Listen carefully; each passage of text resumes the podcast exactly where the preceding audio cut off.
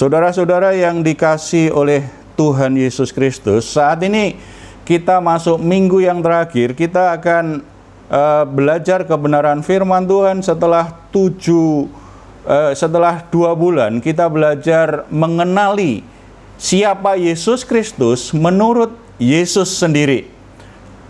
Yohanes, Injil Yohanes telah mengajarkan kepada kita satu kebenaran yang indah. Saat ini kita akan uh, melihat bagian terakhir uh, pentingnya kita mendengar Injil, pentingnya kita belajar kebenaran firman Tuhan. Yohanes pasal 20 ayat 30 sampai 31. Lembaga Alkitab Indonesia memberi judul Maksudnya Injil ini dicatat. Kita akan membacanya bersama-sama. Dua, tiga. Memang masih banyak tanda lain yang dibuat Yesus di depan mata murid-muridnya yang tidak tercatat dalam kitab ini. Tetapi semua yang tercantum di sini telah dicatat, supaya kamu percaya bahwa Yesuslah Mesias, Anak Allah, dan supaya kamu oleh imanmu memperoleh hidup dalam namanya. Saudara-saudara sangat menarik sekali di ayat 30 dikatakan ada banyak tanda lain yang dibuat Yesus di depan mata murid-murid. Jadi begitu banyak uh, keajaiban yang dilakukan oleh Yesus Kristus. Ada sangat banyak sekali. Tetapi tidak mampu ditulis dalam satu kitab di terutama di Injil Yohanes ini karena begitu banyaknya uh, perbuatan ajaib Tuhan. Bahkan kalau kita baca di Yohanes pasal 21 di bagian akhir itu dikatakan begini. Di kata penutup ya di Injil Yohanes masih banyak hal-hal lain lagi yang diperbuat oleh Yesus tetapi jikalau semuanya itu harus dituliskan satu persatu maka agaknya dunia ini tidak dapat memuat semua kitab yang harus ditulis. Saudara-saudara, kalau berbicara tentang kasih karunia Tuhan, berbicara tentang kebaikan Tuhan, berbicara tentang keajaiban Tuhan di dalam kehidupan manusia, di dalam kehidupan alam semesta ini, di sepanjang abad, maka tidak ada uh, buku yang cukup untuk menampungnya. Bahkan tadi dikatakan mungkin dunia ini akan penuh dengan buku karena begitu banyaknya pekerjaan Tuhan yang ajaib. Makanya Yohanes di ayat yang kita baca di ayat 30 ada banyak lagi perbuatan baik Tuhan sebenarnya. Tetapi semua uh, itu tidak bisa dicatat. Saudara, ini ini bicara kemurahan Tuhan. Kalau kita sebagai orang percaya, sebagai orang Kristen, harusnya selalu menyadari bahwa kebaikan Tuhan, kasih Tuhan kepada kita itu sungguh luar biasa banyaknya, sehingga tidak terhitung bagi kita. Makanya eh, ada banyak orang Kristen kadang-kadang kalau di pertemuan-pertemuan diajak siapa yang mau bersaksi ketika ditanya dia bilang Uh, coba bersaksi apa yang Tuhan lakukan, kasih apa, kasih Tuhan apa, pekerjaan Tuhan apa, pertolongan Tuhan apa yang kamu alami. Ada banyak orang Kristen berkata, oh banyak sekali. Cuma sayangnya banyak orang Kristen kalau suruh bersaksi nggak mau. Katanya banyak. Nah, ini kadang-kadang orang Kristen kan antara mulut dengan uh, imannya beda ini. Harusnya Perkataan di awal itu benar. Ada banyak sekali pertolongan Tuhan dalam hidup kita. Kemurahan Tuhan itu tidak terbatas. Tidak mungkin kita ungkapkan dengan kata-kata. Tidak mungkin dicatat itu. Begitu banyaknya, saking begitu banyaknya. Itu harus kita sadari harus kita sadari. Saudara, sepanjang tahun kalau kita evaluasi, mungkin kita alami banyak pergumulan. Tetapi begitu akhir tahun, coba catatlah berkat-berkat Tuhan. Coba ingat-ingat berkat Tuhan. Begitu kita ingat sebenarnya banyak sekali kebaikan Tuhan. Banyak sekali pertolongan Tuhan melebihi masalah kita melebihi situasi sulit yang kita alami. Cuma sering kali kita melupakan kebaikan Tuhan dan kita hanya fokus dengan uh, masalah pergumulan hidup yang kita alami sehingga kita lupa bahwa Tuhan itu sungguh luar biasa, ada banyak sekali. Ayat 31 Yohanes Injil Yohanes kemudian berkata begini, "Tetapi semua yang tercantum di sini telah dicatat." Berarti di Injil Yohanes hanya mencatat fokusnya saja. Ada hal-hal penting. Seperti kita tahu kalau kita pelajari Alkitab, setiap kitab itu ada pesan utamanya.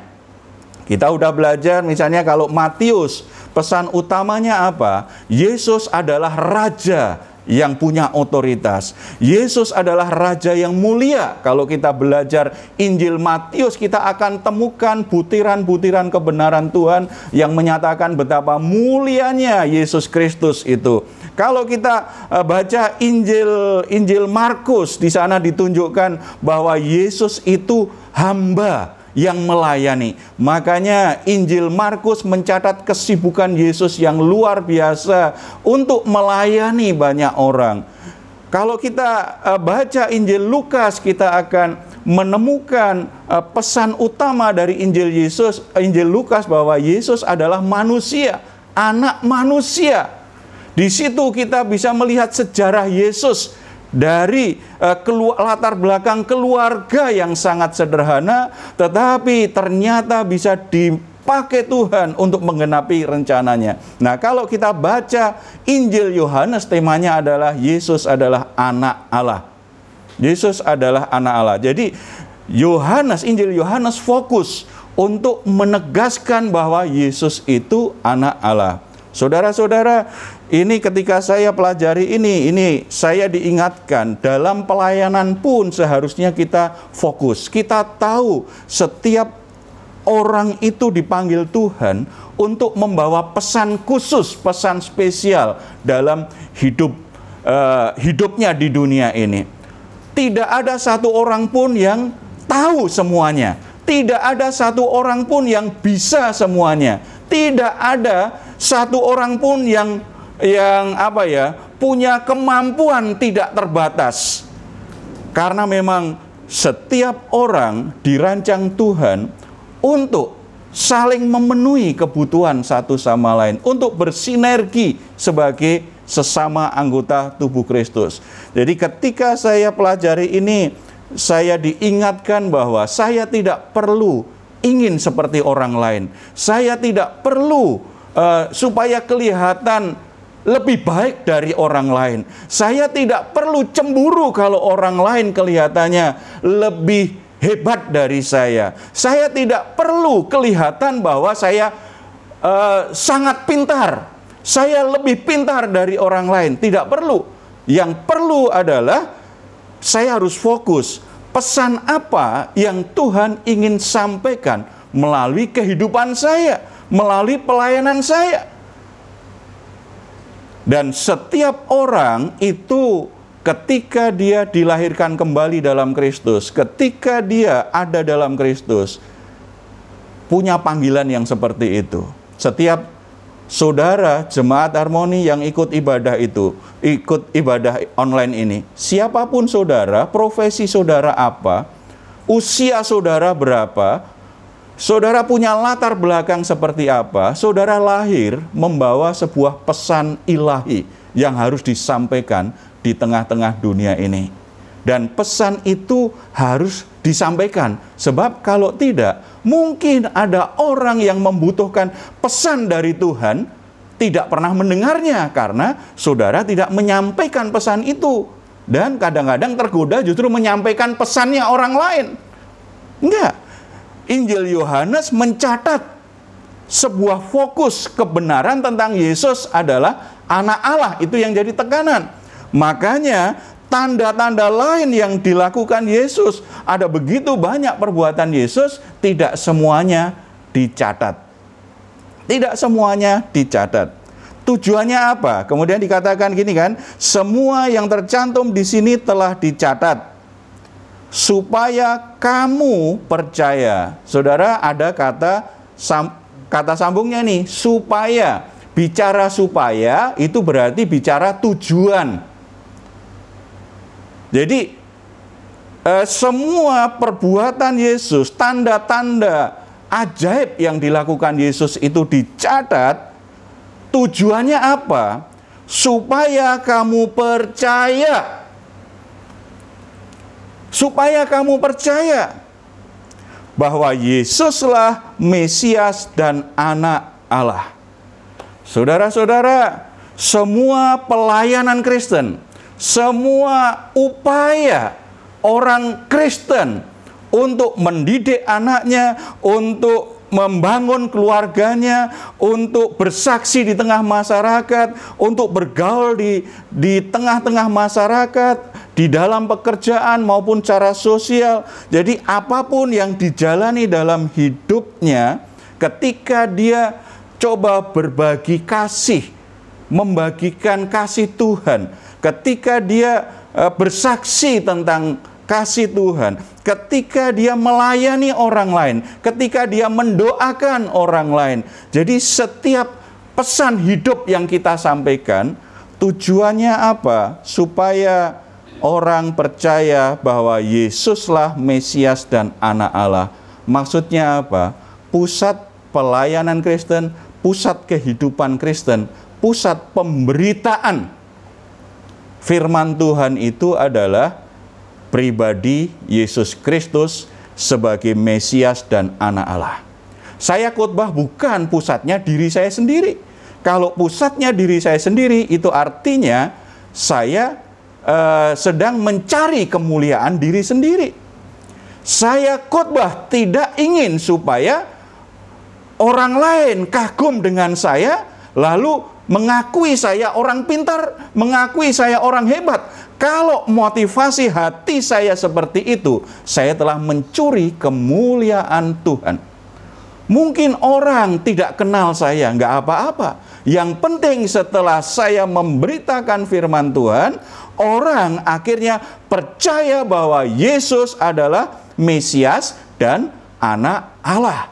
Jadi pusat hidup orang Kristen itu Yesus Kristus.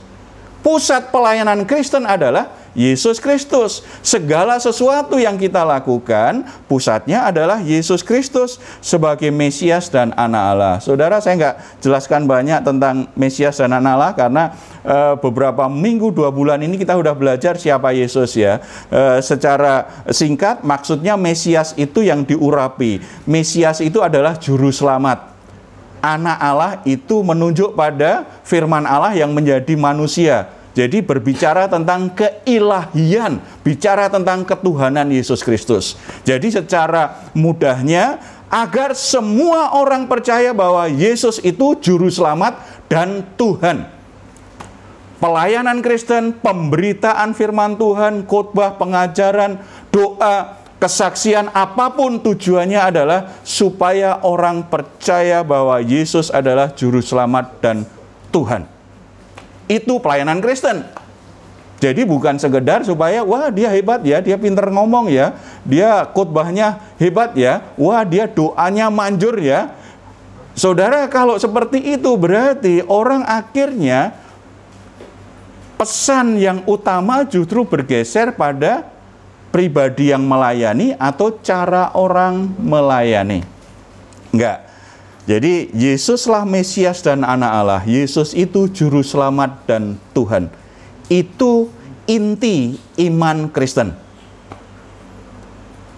Saudara menyanyi memuji Tuhan dalam ibadah itu tradisi Kristen, itu ritual Kristen. Saudara ketika berdoa lipat tangan, tutup mata, itu ritual Kristen. Itu tradisi agama Kristen. Saudara, eh, kalau memuji Tuhan, ada yang tepuk tangan, ada yang enggak, ada yang angkat tangan, ada yang biasa saja. Itu tradisi Kristen.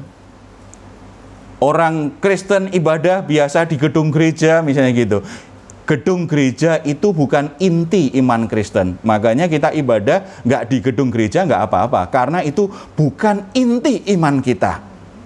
Bukan inti iman kita. Ada yang kadang-kadang pakai musik lengkap, ada yang cuma pakai organ, bahkan ada cuma pakai gitar. Nggak ada masalah. Musik itu bukan inti iman Kristen. Bukan.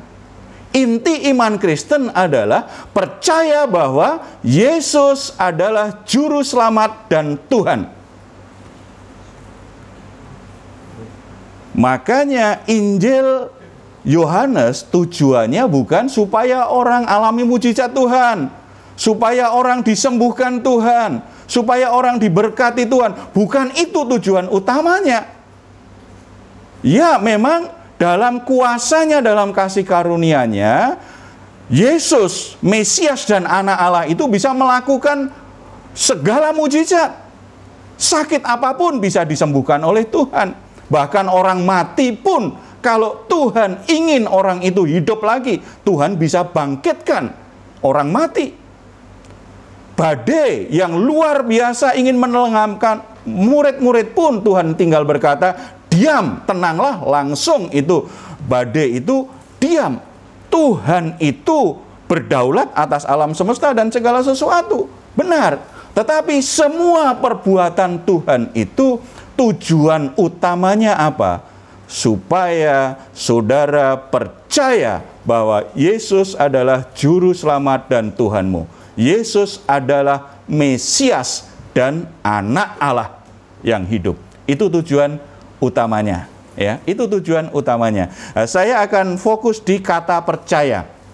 Saudara-saudara kata percaya itu percaya itu kata kerja kata bendanya itu iman. Jadi iman dan percaya itu sama. Makanya kalau ditanya apakah iman? Orang menjawab percaya itu enggak eh, salah ya jadi iman itu sebuah kepercayaan kepercayaan supaya kamu percaya saudara kalau kita pelajari Alkitab iman atau kepercayaan atau percaya itu itu menunjuk pada empat hal. Ada empat hal yang e, berbicara tentang iman, tentang percaya. Yang pertama, yang pertama sebuah keyakinan, sebuah keyakinan bahwa Tuhan itu benar. Orang yang percaya kepada Yesus itu yakin betul bahwa Yesus itu benar-benar juru selamat dan Tuhan. Itu baru namanya beriman, percaya. Jadi kalau orang masih ragu apakah Yesus sudah sungguh-sungguh juru selamat sih? Saya ketemu banyak orang Kristen percaya Yesus juru selamat, penebus dosa. Tetapi begitu kamu yakin Yesus itu Tuhan, kamu yakin dia itu ilahi, maka banyak orang Kristen ragu saudara itu setengah percaya. Orang yang sungguh-sungguh percaya itu yakin bahwa Yesus itu benar-benar juru selamat dan Tuhan. Dia benar-benar Mesias dan anak Allah. Itu baru saudara percaya, beriman kepada Yesus Kristus. Jadi percaya eh, percaya itu berarti yang pertama yakin bahwa ini benar nih karena kita percaya Yesus itu Tuhan dan Juru Selamat, makanya kita percaya firman Tuhan juga benar. Kalau saudara dengar firman Tuhan, ragu itu namanya belum percaya. Kalau saudara dengar firman Tuhan, tetapi saudara masih mikir-mikir nih, saudara belum percaya. Orang yang percaya itu yakin betul bahwa Tuhan itu benar, firmannya benar. Itu namanya percaya. Itu namanya percaya. Jadi aspek pertama, pengertian pertama dari percaya itu adalah yakin akan kebenarannya. Yakin akan kebenarannya. Yang kedua, pengertian iman itu atau percaya itu adalah kita berserah, kita menyerahkan diri atau kita mengandalkan diri kepada Tuhan yang kita yakini kebenarannya. Berserah atau mengandalkan diri itu menunjukkan seberapa dalam orang sungguh-sungguh percaya kepada Tuhan. Seberapa kuat orang iman orang itu kepada Tuhan. Kalau kita percaya, kita sangat yakin. Kalau kita yakin, makanya kita berserah sajalah mau dibawa ke mana, saudara yakin misalnya uh, saudara mau ke mana, misalnya mau pergi keluar kota naik pesawat. Lalu saudara lihat ternyata pilotnya masih sangat muda. Pilotnya perempuan masih sangat muda. Mungkin saudara, wah pilotnya kok masih muda sekali ya. Nah, di situ kepercayaan saudara dipertaruhkan tuh. Kalau saudara nggak yakin, saudara mungkin turun. Saudara akan turun dari pesawat. Saya nggak yakin dia bisa nggak sih bawa pesawat ini. Jangan-jangan nanti uh, lepas kendali, udah nggak naik aja mungkin uh, take off nggak bisa atau nanti landingnya bahaya karena nggak yakin saudara akan turun atau kalau terpaksa nggak ada pilihan lain tetap naik pesawat itu karena saudara nggak yakin dengan pilotnya maka saudara penuh dengan kekhawatiran begitu di begitu mau take off gitu kan biasanya ada guncangan tuh begitu ada guncangan sedikit saudara jadi khawatir jangan-jangan uh, kecelakaan ini jangan-jangan kecelakaan Ternyata setelah itu bisa berhasil terbang, begitu sudah uh, di udara, uh, baik sedikit saudara tenang. Kemudian ada lagi uh, nabrak awan nih. Agak ada guncangan dikit, saudara khawatir lagi. Masalahnya di mana? Masalahnya bukan di pesawatnya. Masalahnya di mana? Karena saudara tidak yakin bahwa pilot itu sungguh-sungguh mampu tidak yakin kebenaran bahwa pilot itu sudah terlatih untuk untuk membawa pesawat terbang dari satu kota ke kota yang lain. Akhirnya karena nggak yakin dia mampu, saudara, jadi tidak bisa berserah. Saudara jadi tidak bisa mengandalkan dia untuk membawa saudara dari satu kota ke kota tujuan.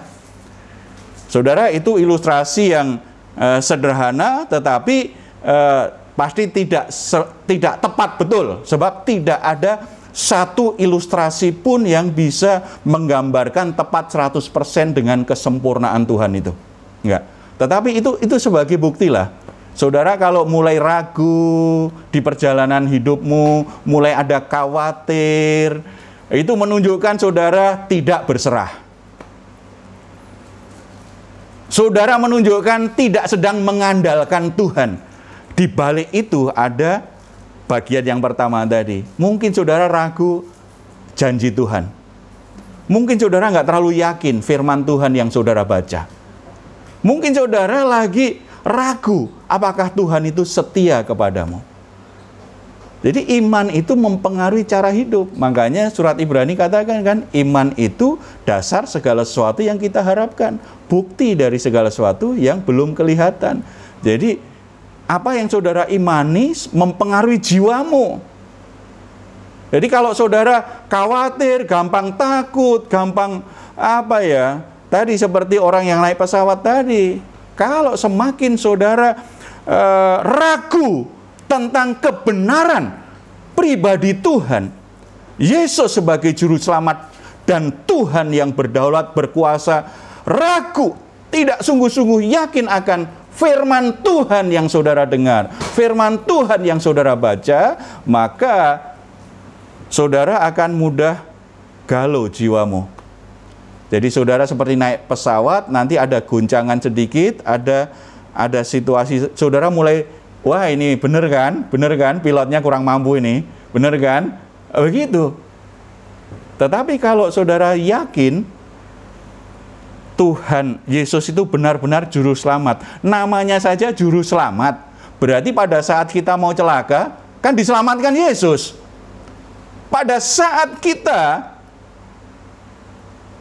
harus mengalami kebinasaan, kekal, Tuhan sudah selamatkan melalui penebusannya. Pada saat kita harusnya alami kehancuran dalam hidup ini, hidup dalam kegelapan, Tuhan selamatkan kita. Tuhan tarik kita untuk keluar dari kegelapan menuju terangnya yang ajaib. Kalau Yesus juru selamat, lah kok khawatir kalau punya masalah? Kan dia juru selamat. Di surat Roma Paulus berkata, tidak ada sesuatu pun yang bisa memisahkan kita dari kasih Tuhan.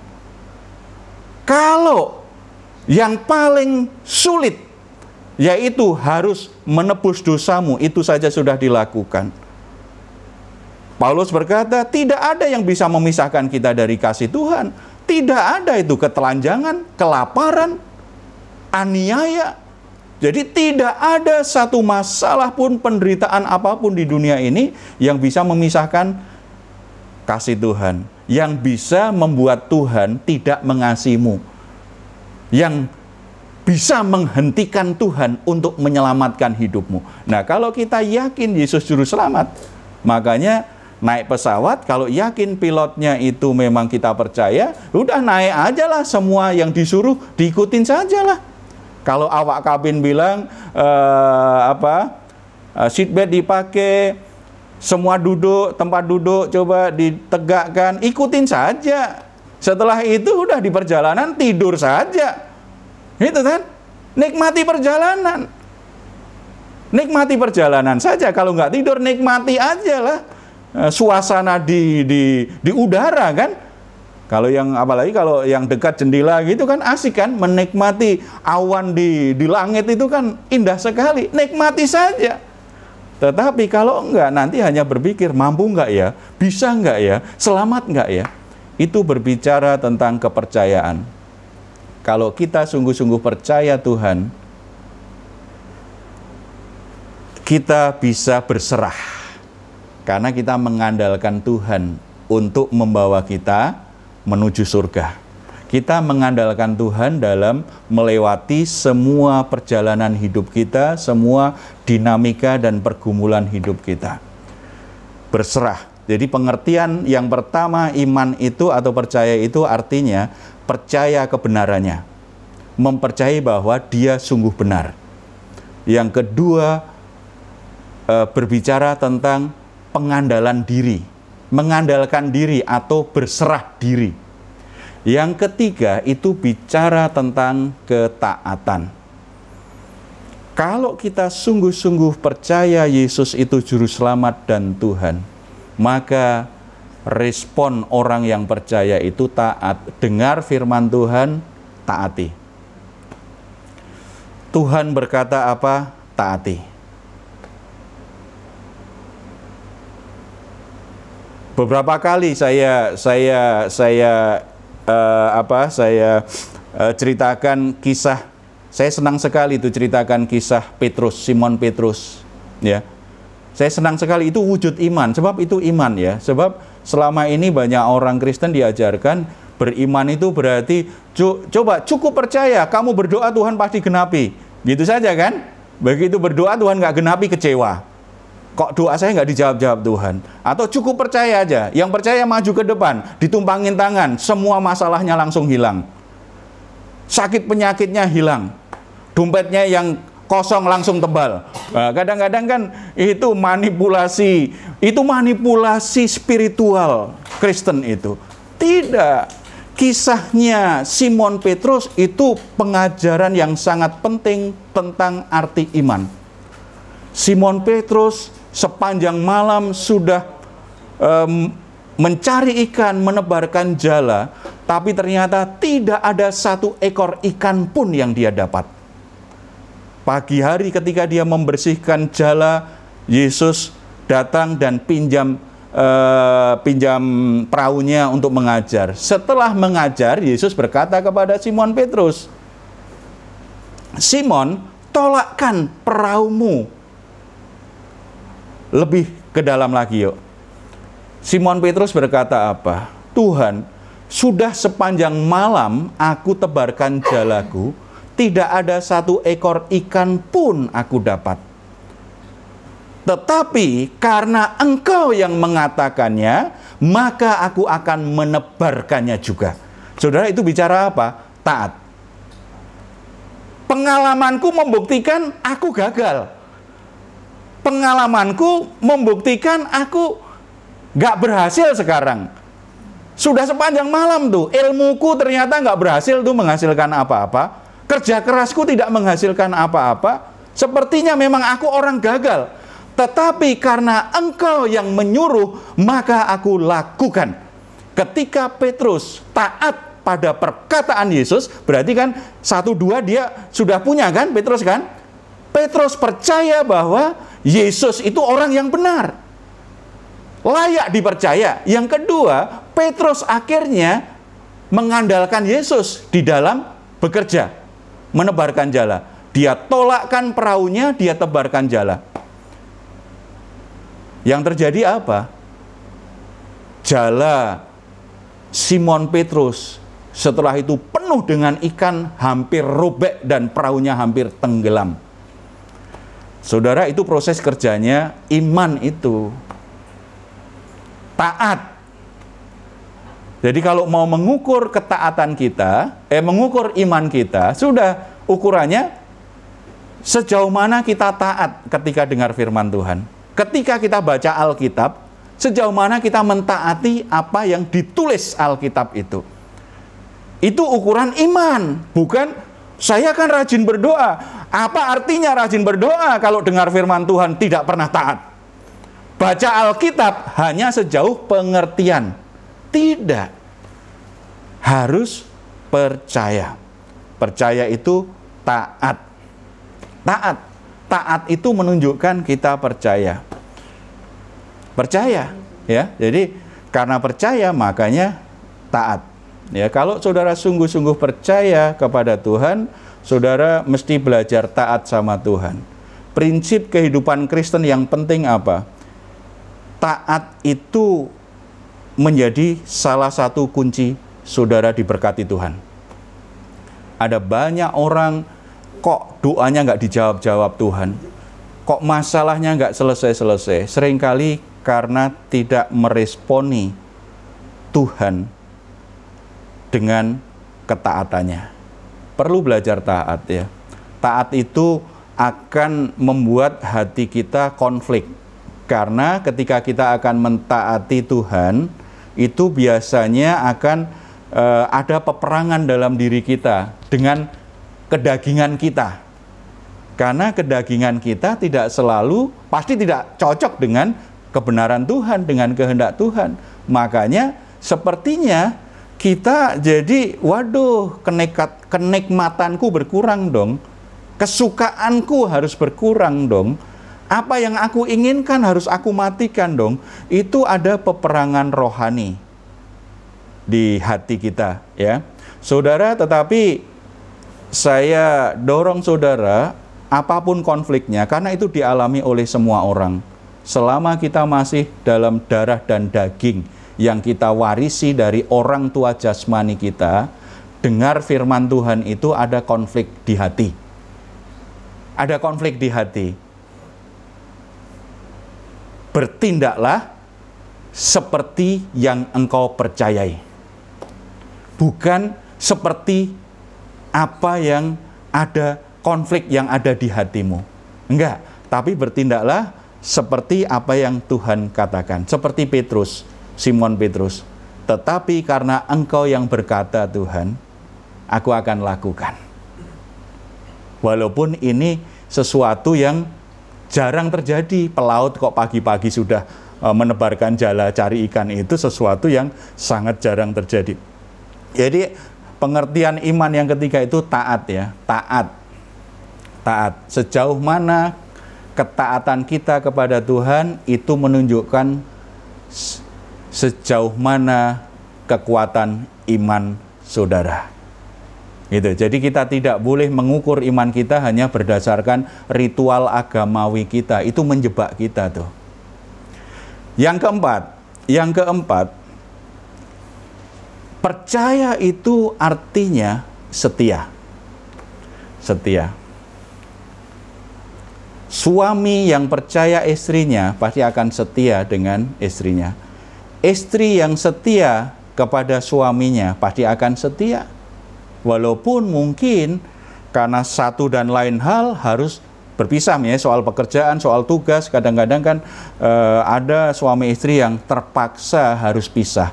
Tetapi karena percaya pasangannya kan tidak akan kelain hati Orang kalau kelain hati itu kan karena nggak percaya, gitu kan? Nggak percaya. Jadi e, misalnya e, kalau ini dalam kehidupan Kristen kita, kalau kita sungguh-sungguh percaya Tuhan, maka kita setia kepada Tuhan. Setia itu bukan berarti bahwa gini, menurut saya itu pengertian yang dangkal kalau orang hanya berkata begini. Setiap pagi aku masih tuh baca Alkitab, masih masih berdoa tiap hari, tiap minggu masih ibadah. Uh, aku ini orang Kristen yang setia. Saudara kembali kesetiaanmu itu diukur dari yang yang ketiga tadi, yang yang yang sebelumnya.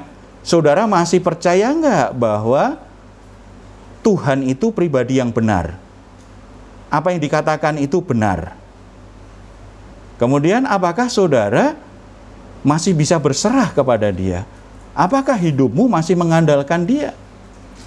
Apakah saudara bisa taat, masih mau taat kepada Dia? Nah, kalau yang satu, dua, tiga, saudara masih percaya Dia benar, saudara masih percaya bahwa saudara bisa mengandalkan Dia, saudara masih mau mentaati Dia, saudara terus ada dalam tiga hal itu setiap hari, saudara namanya taat, eh, namanya setia, namanya setia. Jadi bukan soal uh, apa ya ritual agamawinya tadi masih baca Alkitab, masih berdoa, masih ibadah, bahkan mungkin masih melayani. Masalahnya saudara setia pada yang satu dua tiga enggak? Saudara masih ada di posisi satu dua tiga atau tidak? Jadi pengertian iman itu utuh seperti itu. Utuh seperti itu. Ya. Kesetiaan itu bagian penting dari iman kita. Makanya Yesus berkata nanti kedatangannya itu akan dipercepat. Karena Yesus berkata, sebab aku nggak mau kalau nggak dipercepat, nanti ada banyak guncangan, ada banyak aniaya. Jangan-jangan masih adakah iman di bumi ini? Jangan-jangan orang tidak setia lagi kepada Tuhan. Jadi Tuhan mempercepat kedatangannya karena Tuhan tahu keterbatasan hati manusia untuk bisa setia kepada Tuhan. Jadi empat hal ya, saudara, tujuan dari kita baca Alkitab, tujuan kita dengar firman Tuhan, tujuan kita coba bertumbuh dalam Tuhan itu supaya kita percaya bahwa Yesus adalah juru selamat dan Tuhan. Percaya bahwa Yesus adalah anak Allah. Pengertian percaya itu yang pertama, saudara percaya, percaya berarti saudara yakin betul bahwa dia benar, yakin betul bahwa dia adalah Mesias dan Tuhan. Dia adalah firman Allah yang hidup, yang dikatakan tidak pernah dusta. Yang kedua, Percaya berarti kita mau menyerahkan diri kita dan mengandalkan Yesus Kristus untuk memimpin dan uh, apa uh, memimpin dan menggembalakan hidup kita. Yang ketiga, percaya berarti saudara harus belajar taat setiap hari. Taat apa yang Tuhan katakan, taat apa yang Tuhan perintahkan Tiga hal itu setiap hari kalau kita komitmen di situ, itulah artinya kesetiaan. Kita tetap percaya dia dalam segala situasi dan kondisi. Sebelum saya akhiri, kalimat terakhir supaya kamu oleh imanmu memperoleh hidup dalam namanya. Saudara, kalau Tuhan ingin saudara jadi percaya, Supaya apa? Saudara responi firman Tuhan itu dengan imanmu dengan percaya supaya saudara memperoleh hidup dalam namanya. Saudara mengalami kehidupan kekal, mengalami kehidupan yang uh, menikmati segala kekayaan surgawi yang saudara telah dipercaya oleh Tuhan mengalami janji-janji Tuhan, mengalami bahwa firman Tuhan itu benar, mengalami bahwa kasih Tuhan itu benar. Imanmu jadi tumbuh lebih baik lagi. Mari kita berdoa.